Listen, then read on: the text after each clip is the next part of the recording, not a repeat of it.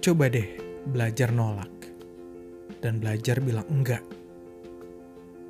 Kamu nggak harus menyenangkan semua orang. Kamu juga nggak harus membantu semua orang.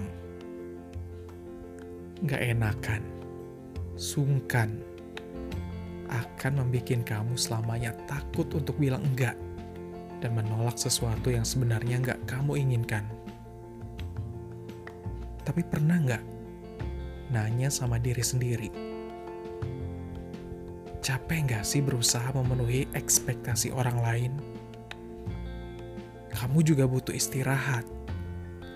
Nggak semuanya harus kamu paksa untuk kamu kabulin. Kamu nggak akan bersalah karena kamu menolak.